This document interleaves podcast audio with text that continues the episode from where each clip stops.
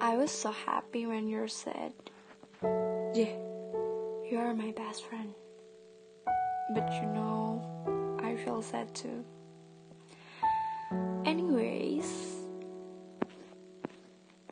did you sleep well tonight? Because I'm not. I can't sleep because I'm too scared that I will get to dream about you. you broke my heart. I broke my own heart. Okay, I have to tell you something. I have to tell you that in the past, I never meant to hurt you, to leaving you. I've tried, I've tried to loving you, choosing you, but I can't.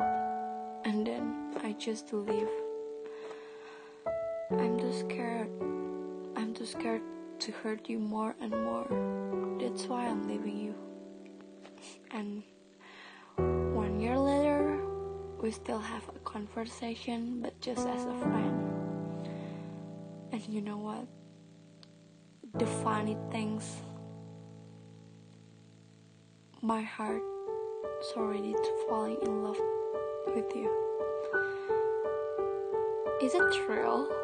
So many questions come for my brain.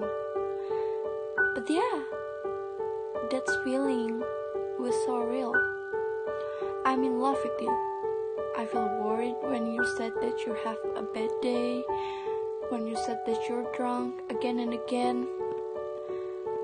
I hate to hear that you're drunk because I know when you're drunk,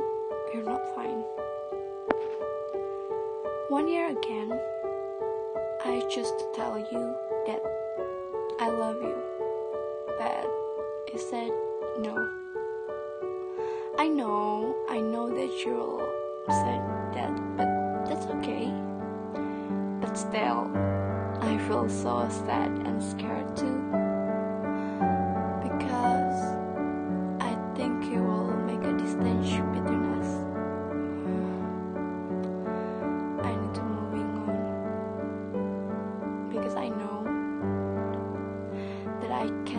Your soulmate. I'm not good enough for that. I break your heart and I act like there's nothing happened between us. I'm the worst person ever, right? I'm sorry for leaving you and loving you. I wish you're happy. I wish you can find someone who can be a good listener for you, someone who can take care of you, someone who never leaving me alone. I wish I can be someone, but I'm not.